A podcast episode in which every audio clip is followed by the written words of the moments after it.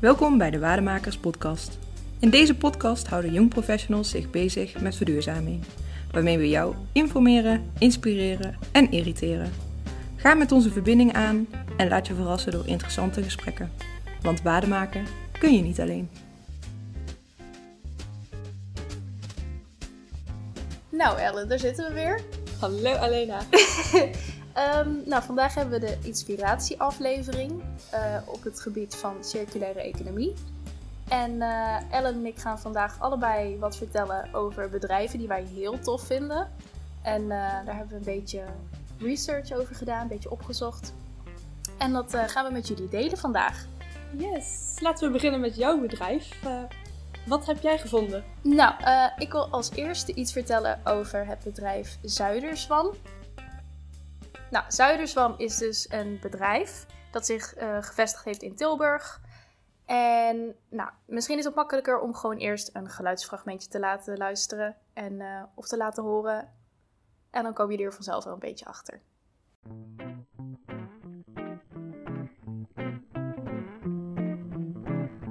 Hoi, ik ben Jacqueline van Eert. Oesterzwammen kweken op koffiedik. Dat is wat ik doe met mijn bedrijf Zuiderzwam. Ik ben daarmee begonnen nadat ik vorig jaar een growkit kreeg, waarmee je als aanrecht agrariër oesterzwammen kweekt op je eigen koffiedik. Deze growkit kwam van Rotterdam, die in het oude zwembad Tropicana in Rotterdam oesterzwammen op koffiedik kweken. Ik werd daar zo enthousiast van dat ik in juni vorig jaar daar een opleiding ben gaan doen om mijn eigen oesterzwammenkwekerij hier in Tilburg te beginnen. Ik haal drie keer per week met mijn elektrische toektoek koffiedik op bij Tilburgse horeca en bij de gemeente.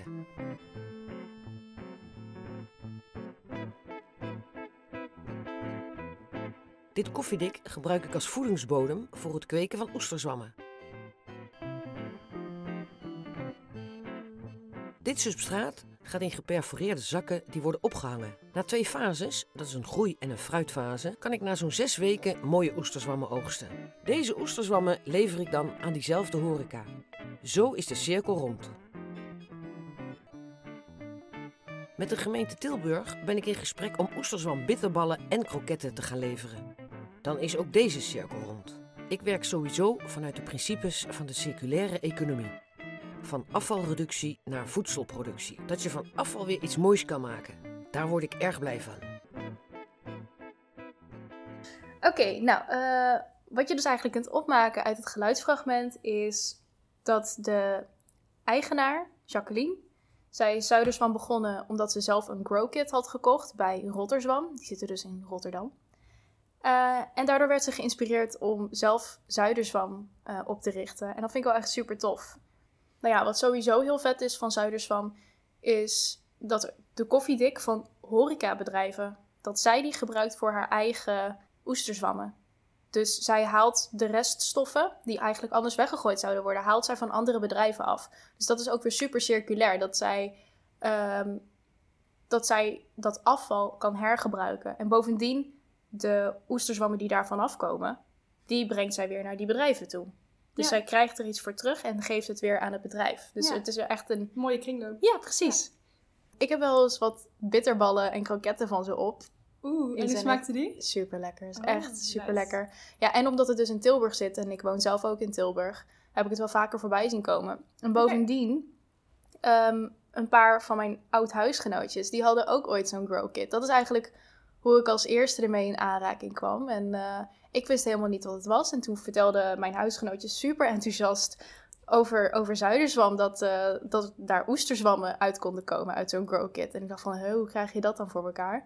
En nou ja, toen een paar weken later zaten we aan de oesterzwammen risotto. Dus dat was wel super leuk. Nice, klinkt goed ja. En die grow kit, kan je die uh, vaker dan één keer gebruiken? Op de website heb ik gelezen dat je soms wel twee tot drie keer met één grow kit uh, kunt oogsten. Oh, nice. Ja, dus je kunt het wel vaker gebruiken. En ik vond het ook wel heel vet dat, uh, dat oesterzwammen dus gewoon een fatsoenlijke vleesvervanger is. Dat het ook heel veel voedingsstoffen heeft. Oh, dat wist ik ook niet. Ja, super mooi pluspunt. Ja, dus dat is eigenlijk uh, wat ik wilde vertellen over Zuiderzwam. Ja, nice. En waarom ik er zo enthousiast over ben. Top. Dankjewel voor het delen, Alena. Oké. Okay. Uh, nou, okay. Ellen, jij, uh, jij hebt ook iets voorbereid voor vandaag. Ja, ik wilde graag iets vertellen over Kipster. En Kipster is een kippenboerderij. ehm, niet zomaar een kippenboerderij, maar de meest duurzame, diervriendelijke en mensvriendelijke kippenboerderij ehm, Van? de wereld. Wow. niet Nederland, niet Europa, maar wereldwijd, claimen ze. Ehm, nou, eh, de waardemakers zijn al bekend met het concept van Kipster. En mocht je als luisteraar nog meer willen weten dan wij gaan vertellen, kun je aflevering 1 van de livestream-reeks terugkijken. Eh, die heet Brabant op de Schop. ehm, waarin het hele concept nog eh, wordt uitgelegd door Maurits Groen, een van de initiatiefnemers. Ehm, nou ja, wij vonden Kipster heel erg toepasselijk voor deze aflevering, omdat het op verschillende manieren heel erg innovatief is. Eh, wij zoomen dus nu even in op het stukje circulaire economie. Ehm, nu is het dus zo dat 70% van alle landbouwgrond op de wereld voor veevoeder is. En Kipster wil bijdragen aan een gesloten kringloop en maakt gebruik van eh, eh, nieuw ontwikkeld kippenvoer dat ze uit reststromen halen in plaats van ehm, nieuwe, ja, nieuw voeder eh, van de landbouwgrond. Die reststromen komen van bijvoorbeeld grote bakkerijen en is dus niet meer te eten voor mensen, maar wel voor kippen. Wat wij daarnaast ook heel tof vonden, eh, is dat de CO2-footprint van een kilo kipstervoer dus 50% kleiner is vergeleken met standaard kippenvoer. Wij hadden hier nog wat vragen over en we wilden heel graag meer weten. En we mochten deze vragen stellen aan Ruud Sanders, een van de initiatiefnemers van Kipster. Dus nu gaan we even luisteren naar het interview dat we met hem hebben gehouden. Nou, ik, eh, we hebben op jullie site gekeken en eh, daar stond heel mooi dat jullie het meest duurzame, de meest duurzame kippenboerderij ter wereld zijn. Waarom is dat zo? Of wat draagt daaraan bij? Ja, dat heeft met name te maken tot eh, onze boerderij, dat wij eigenlijk de enige commerciële legkippenboerderij ter wereld zijn die zijn dieren alleen maar voert met de reststromen. Dus met dingen die wij als mensen niet meer kunnen of willen eten. Ehm, want wat je eigenlijk massaal ziet, wat we in de intensieve veehouderij doen, is dat eh, eh, we goede granen en goede mais aan dieren voeren die je ook als men- als mens zelf op zou kunnen eten. Dus met andere woorden, je hebt 1 kilogram graan, daar kun je bij wijze van spreken 10 mensen mee voeden. Eh, maar wij geven die kilogram graan aan, eh, aan de varkens en de kip om via dan een inefficiënte weg nog twee tot vier mensen te kunnen voeden. Ja, En dan, en dan zeggen we dat we een heel efficiënte veehouderij hebben, maar daar is dus eigenlijk niks efficiënts aan. Nou, wat zou je dan wel moeten doen? Dan ga je op zoek naar de rol van dieren in het voedselsysteem. En dan, kom je, dan zit het eigenlijk heel simpel in elkaar. Je zou alle eh, goede eh, vruchtbare grond moeten benutten om plantaardige producten voor mensen te maken. Vervolgens heb je nog wat marginale gronden in de wereld waar niks anders groeit dan gras. Daar kun je via een koe of een geit nog eten van maken. En dan heb je wat restproducten van het land en restproducten van humane consumptie. En dan kunnen een varken en een kip iets fantastisch dat wij niet kunnen, want die kunnen dat weer opeten. En daar krijg je dan nog wat eieren en vlees voor terug. oh ja. Dat is eigenlijk de rol van dieren in het voedselsysteem. Nou, en dat is, dat is dus wat wij uitvoeren. Dat is allemaal wetenschappelijk uitgezocht door Wageningen Nou, en dat is wat wij uitvoeren. En dat is wat ik dus net al even kort zei. Wij zijn dus op dit moment de enige commerciële legkippenboerderij ter wereld die zijn kippen alleen maar voert met dingen die wij als mens niet meer kunnen of willen eten. En dan heb je in één keer een heel efficiënt systeem. Ja, ja, dat klinkt super mooi. Ook eh, dat het zo bijdraagt aan de circulaire economie, waar we dus eigenlijk met z'n allen Ja. naartoe willen. Ehm, Ja. Hoe zijn jullie er dan op gekomen om op deze manier helemaal, of ja, helemaal zo circulair mogelijk te ondernemen? Nou, we zijn eigenlijk op het idee gekomen dat ik een, eh, een, een jaar of zeven geleden ondertussen alweer, toen heb ik een aantal Afrikaanse mensen rondgeleid die de Nederlandse pluimveehouderij wilden zien. Nou, die heb ik, die heb ik alles laten zien, hè, van, van vleeskippen, eh, biologische kippen, gangbare vleeskippen. eh, bij de leg hebben ze alles laten zien, eh, scharreleieren, vrije uitloop, ook alles. Mhm. En op een gegeven moment vroegen ze of ik hun kon helpen om ook zoiets mee in hun landen op te bouwen. En toen zei ik, ja, dan moet je me even laten zien wat je nu doet. Ik zeg, ik kan misschien wel wat tips en zo geven. Nou, die hadden wat foto's bij zich. En eh, ja, wij zouden die foto's, wij zouden dat ouderwets noemen, zeg maar. Hoe wij dat 50 tot 60 jaar geleden deden. Mhm. Eh, maar ik, ik mag dat niet ouderwets noemen, want het is gewoon hun manier van werken. Maar ik begon dus ook te vertellen, nou je hebt gezien, je moet een goede stal bouwen, luchtinlaat moet goed, klimaat moet goed, eh, legnesten, watervoervoorziening, je moet goed voer maken, goede granen en mais in het voer doen, je moet alles optimaliseren. Mhm. En toen zeiden ze me letterlijk, ja maar Ruud, ben je nou helemaal gek geworden? Want als we goede granen en goede mais hebben, dan eten wij die zelf al. hoe komen jullie erbij in het Rijke Westen om allemaal die goede granen en goede mais aan die speciaal daarvoor gefokte dieren te geven? Nou, en dat was voor mij de, de eerste keer. En toen was, toen was ik 40 jaar en ik ben opgegroeid op een pluimveebedrijf. Dus al de hele, mijn hele leven tussen de kippen. En dat was de eerste keer dat ik dacht van, verdorie, dat is eigenlijk een, echt een hele goede vraag. Daar had ik nog nooit over nagedacht. En met mij nagenoeg geen één boer hier in het Rijke Westen, maar met mij nagenoeg ook geen één consument hier in het Rijke Westen die erover nadenkt. Oh ja. Maar dan kom je dus op de vraag: waarom geven wij allemaal die goede granen en goede mais aan onze speciaal daarvoor gefokte dieren? Is dat eigenlijk wel, eh, is dat eigenlijk wel verantwoord? Dus sindsdien vraag ik ook onpas aan iedereen die het maar horen wil of niet horen wil. Hoe ethisch is het nou eigenlijk om goede grondstoffen die ook voor humane consumptie geschikt zijn, te voeren aan speciaal daarvoor gefokte dieren, wetende dat bijna 1 miljard mensen op de wereld honger hebben? Waarom zou je dat überhaupt doen? Ja. Nou, en, daar, en dat was voor ons, voor mij in ieder geval het inzicht om daarmee aan de slag te gaan. En op zoek te gaan naar, ja, wij kunnen hier wel zeggen dat we het allemaal heel efficiënt doen. Maar ik wil dan wel eens weten waarom dat we dat eigenlijk met die dieren allemaal zo doen.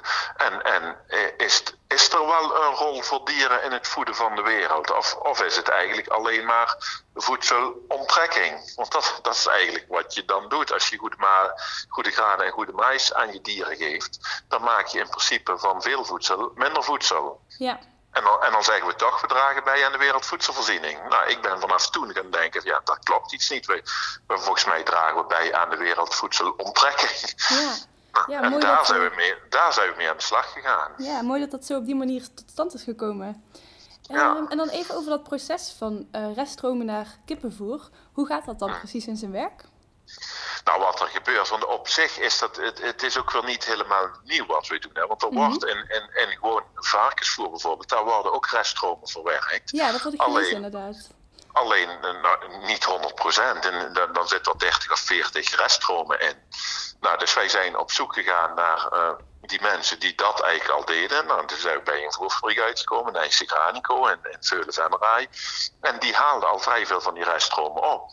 Dus daar zijn we eigenlijk heel simpel naartoe toe gegaan. Van ja, zouden jullie met die reststromen die jullie ophalen, kunnen wij daar ook een voer voor kippen van maken? Mhm. En dan, en dan niet een beetje, maar 100%. Ja. Nou, en daar hebben we met hun en samen met Wageningen Universiteit wel echt wel een hele tijd op ontwikkeld van of dat dan kan. Nou, en, en, en dat blijkt dus te kunnen. Oké. En dat het bij jullie dan kan, eh, merken jullie dan ook toenemende interesse eh, ja, voor dit duurzame kippenvoer bij andere agrarische bedrijven? Of is, het, is de wereld nog niet zo ver? Nee, volgens mij nog niet. Wat je begint te merken is dat nu wel iedereen gaat roepen, eh, wij voeren reststromen. Mhm. Want, want ieder, ja, dat klinkt natuurlijk heel, heel mooi en heel populair. Mhm. Alleen als ik het dan ga analyseren, ja, dan wordt in één keer alles een reststroom genoemd. Ja, dan denk je, ja, dank je de koekoek, zo kan ik het ook. Ja. Dus dan, dan, dan eh, in één keer, eh, in, in, in ieder kippenvoer zit bij wijze van spreken 15% soja en in een sojaschoot en in een, in een varkensvoer eh, ook 10 tot 15% of zo. En dan wordt in één keer gezegd, ja, sojaschoot is een restproduct. Ja, ja, het is een restproduct van de sojaolie, dat klopt wel. Alleen wordt er tegenwoordig, omdat wij zoveel dieren op de hele wereld hebben, wordt er heel veel soja geteeld, omdat we die schoot willen hebben voor de dieren en we niet meer weten waar we met de olie naartoe moeten. Ja, dus is het dan eigenlijk Dus wel dan een het- restproduct? ja, dan is het gewoon geen restproduct meer. Nee. Kijk, dus, dus, en dat is eigenlijk wat wij dan doen. Is het gewoon helemaal uitzoeken. Hè? Wat is nu eigenlijk precies een restproduct? En wanneer mag je sojaschoot nu een restproduct noemen? Ja. Dus hoeveel, hoeveel sojaolie eten we eigenlijk? En hoeveel schroot zou er dan beschikbaar zijn? Nou ja, dan, dan schrik je best wel, want dan, kun je, dan is er echt niet zo heel veel schroot beschikbaar. Dus vindt het navolging? Ja, het vindt wel wat navolging, maar ook wel omdat dat nu gewoon een populaire term is, hè, circulaire economie en noem maar op. Maar mensen die het echt uitzoeken en, en, en, en echt reststromen gebruiken en zeggen van ik wil niet meer bijdragen aan, aan de nep-reststroom, als ik het even zo mag uitdrukken. Mhm. Ja, dat, dat vind ik nog mondjesmaat, eerlijk gezegd. Oké, en zien jullie jezelf dan wel als een inspiratie of een voorbeeld voor die andere kippenboerderijen om het ook zo aan te pakken? Ja, dat, dat, dat laat ik dan maar even aan anderen. Maar ja, ik, ik, ik, ik vind dat we, eh, dat, tot wij eigenlijk over de hele wereld uh, deze visie door zouden moeten voeren met, ja. uh, met, met dieren. Want in mijn beleving is dat de enige reden om iets met productiedieren te, te, te mogen doen in het voedselsysteem. Anders heeft het echt geen nut. Dan is het alleen maar omdat iemand een vaakslapje lekker vindt. Ja, en dan denk je, ja, daar moet je toch eens goed over nadenken. Want uiteindelijk is het vaak wel een levend wezen. Uh, wat een intelligent uh, dier is, met emoties en gevoelens. Dus mag je dat zomaar even houden, alleen maar omdat je dat diertje op wil eten. Nou, ja, daar, daar, daar zet, ik, zet, ik mijn vraagtekens, zet ik mijn vraagtekens bij. Ja, mooi. Dus met andere woorden, als er geen rol is voor dieren in het voedsysteem, dan zou ik meteen zeggen: stoppen. Waarom zouden we andere levende wezens gaan opeten? Ja, en dan over die reststromen hè, die, je, die je net noemde. Uh, kan je voorbeelden noemen van bedrijven die dus de reststromen leveren aan die voederfabriek? Of um, is dat weer een ja, ander verhaal? Ja, nou wat we met. Uh, wat, uh, wij, wij werken dus met Nijs Granico, dat is mm -hmm. een fabriek. Die haalt bij heel veel, in, in West-Europa, bij heel veel uh, grootschalige bakkerijen en anderszins de reststromen op. Wat we nu wel aan, aan het doen zijn, is proberen. Uh, wij, wij verkopen bijvoorbeeld al onze eieren aan Lidl, om te kijken met welke bakkerijen werkt Lidl dan. Ja. En om die reststromen op te halen en die in ons voer te kunnen verwerken, zodat wij daar weer eieren van maken. Kijk, dan ga je echt een kringloop sluiten. Ja. Nou, en, en een voorbeeldje is bijvoorbeeld Bakkerij Holland. Daarvan gaan nu de reststromen en ijzen en een gedeelte daarvan proberen wij dan in ons voer te verwerken. Oké, okay, super. Maar, maar dat is eigenlijk wat we steeds verder uit willen bouwen. Daar hebben we tot nog toe nog niet zo naar gekeken waar die reststromen dan precies vandaan komen. Maar dat is de volgende stap.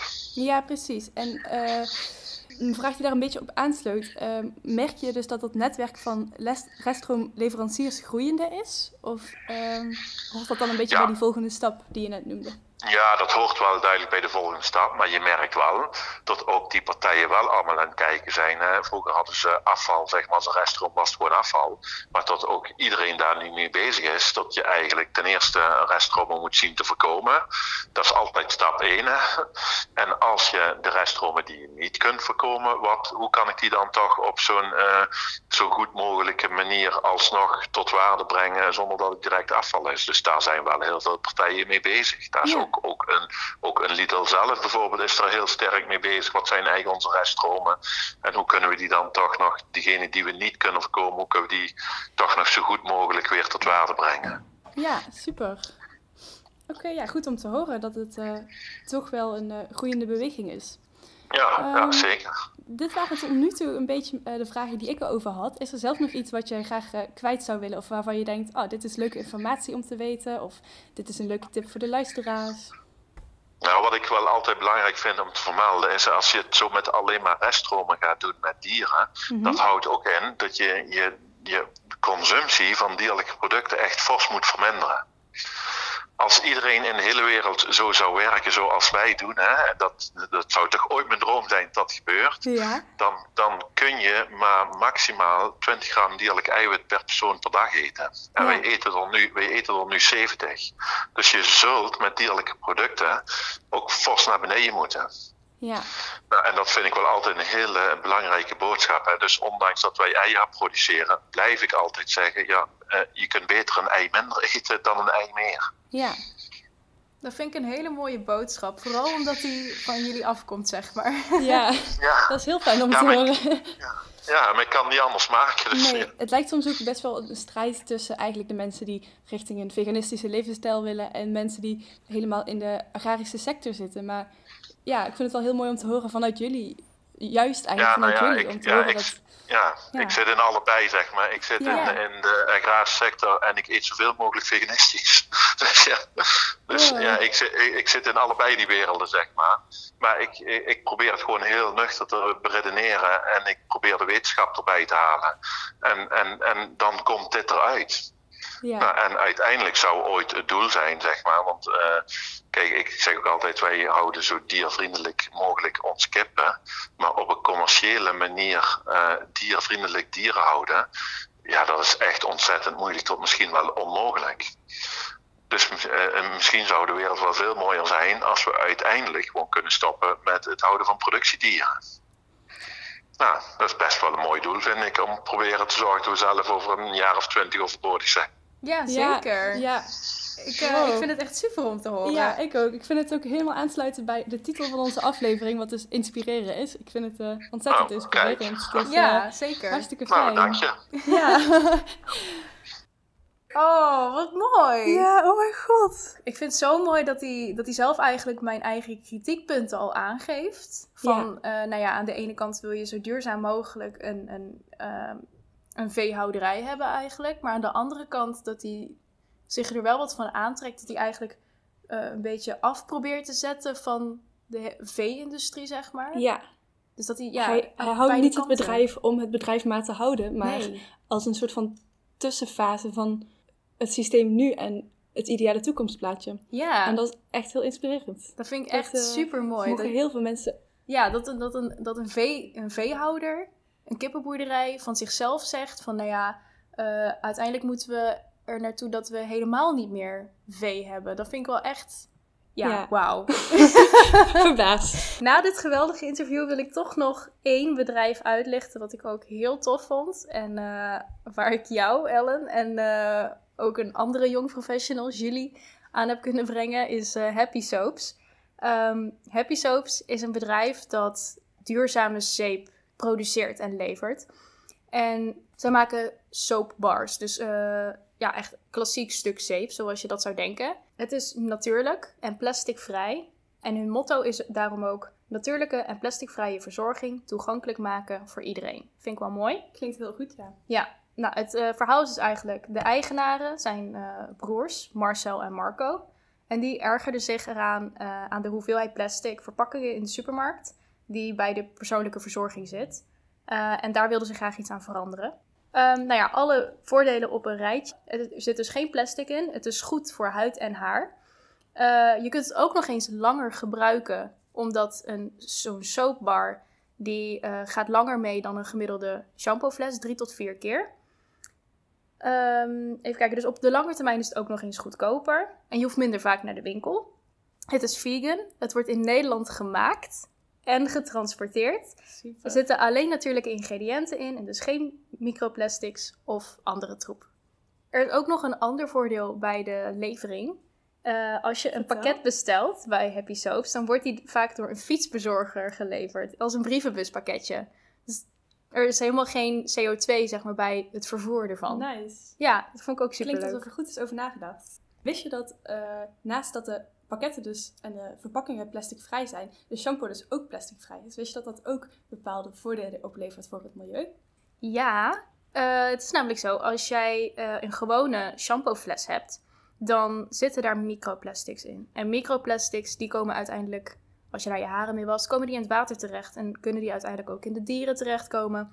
En de dieren die wij dan weer eten of het water dat wij drinken, daardoor kunnen wij ook microplastics consumeren. Wat, Ja. Waar ze nu ook heel veel mee onderzoek aan het doen zijn over hoe slecht dat wel niet eh, voor ons is. En dat Precies. zit er dus ook niet in. Ja, en die microplastics eh, zitten dus in, niet alleen de verpakkingen, maar ook in heel veel In de shampoo zelf. zelf. Ja, precies. En bij Happy Soaps dus niet. Dus eh, dat is naast alle afvalvermindering ook een heel groot bijkomend voordeel. Ja, dus dan heb je... even genoemd mag worden. Precies, dan heb je ook weer vermindering van die plastic soep. Ja, nog even, omdat wij toch ehm, ja, al ervaring hebben en eh, ervaringsdeskundigen zijn dus met de Happy Soap. Hoe vind jij hem in gebruik? Ik heb een eh shampoo bar en een douchebar. En ik, ik gebruik die, maar mijn vriend gebruikt die ook. Dat vond hij ook helemaal prima. Ja, op het begin vond ik het wel even wennen. eh, maar nu vind ik het best wel makkelijk om, ehm, om de shampoo bar gewoon in mijn, in mijn hand te nemen en over mijn haar direct te wrijven. Want dan komt er best wel veel schuim vrij als je haar nat is. En dan gebruik ik datgene wat gewoon op mijn hoofd zit en dan kan ik het heel goed inzepen. Dus dat is wel super makkelijk. En de douchebar die gebruik ik ook gewoon direct op mijn huid. En dan kan ik er heel makkelijk overheen. Ben je ook zo klaar. Dus ik vind het echt heel makkelijk. Je moet er alleen voor zorgen dat je het niet uit je handen laat vallen. dat eh, overkwam mij de eerste paar keren dus ook. Ja, ik was helemaal enthousiast met mijn nieuwe zeep, over mijn nieuwe zeepje. En eh, nou, het is wel even iets anders dan eh, even de shampoofles erbij pakken. Dus Ja. dat is even wennen inderdaad. Maar ja, daar kan je gewoon rekening mee houden. ja, precies. En Dat, dat ben leer ik je ook eh, gewoon. heel blij mee. Ik word er ook elke keer blij van als ik het gebruik. Dan denk ik, yes, goed bezig. Ja, De precies. naam Happy Soaps eh, komt helemaal tot z'n recht. Ja, ik ben er ook echt super blij mee. Ja, dus dat, eh, daar wilde ik jullie vandaag nog over vertellen. En dan denk ik dat we daarmee aan het einde gekomen zijn van deze tweede aflevering. Ja, we hopen dat jullie als luisteraars ook veel inspiratie op hebben mogen doen. Wij vonden het in ieder geval heel erg leuk om meer te leren over deze initiatieven. En wij hopen jullie eh, terug te zien. Of Terug te terug, horen terug te horen. over twee weken. ja, bij onze nieuwe aflevering. Tot dan! Doei doei!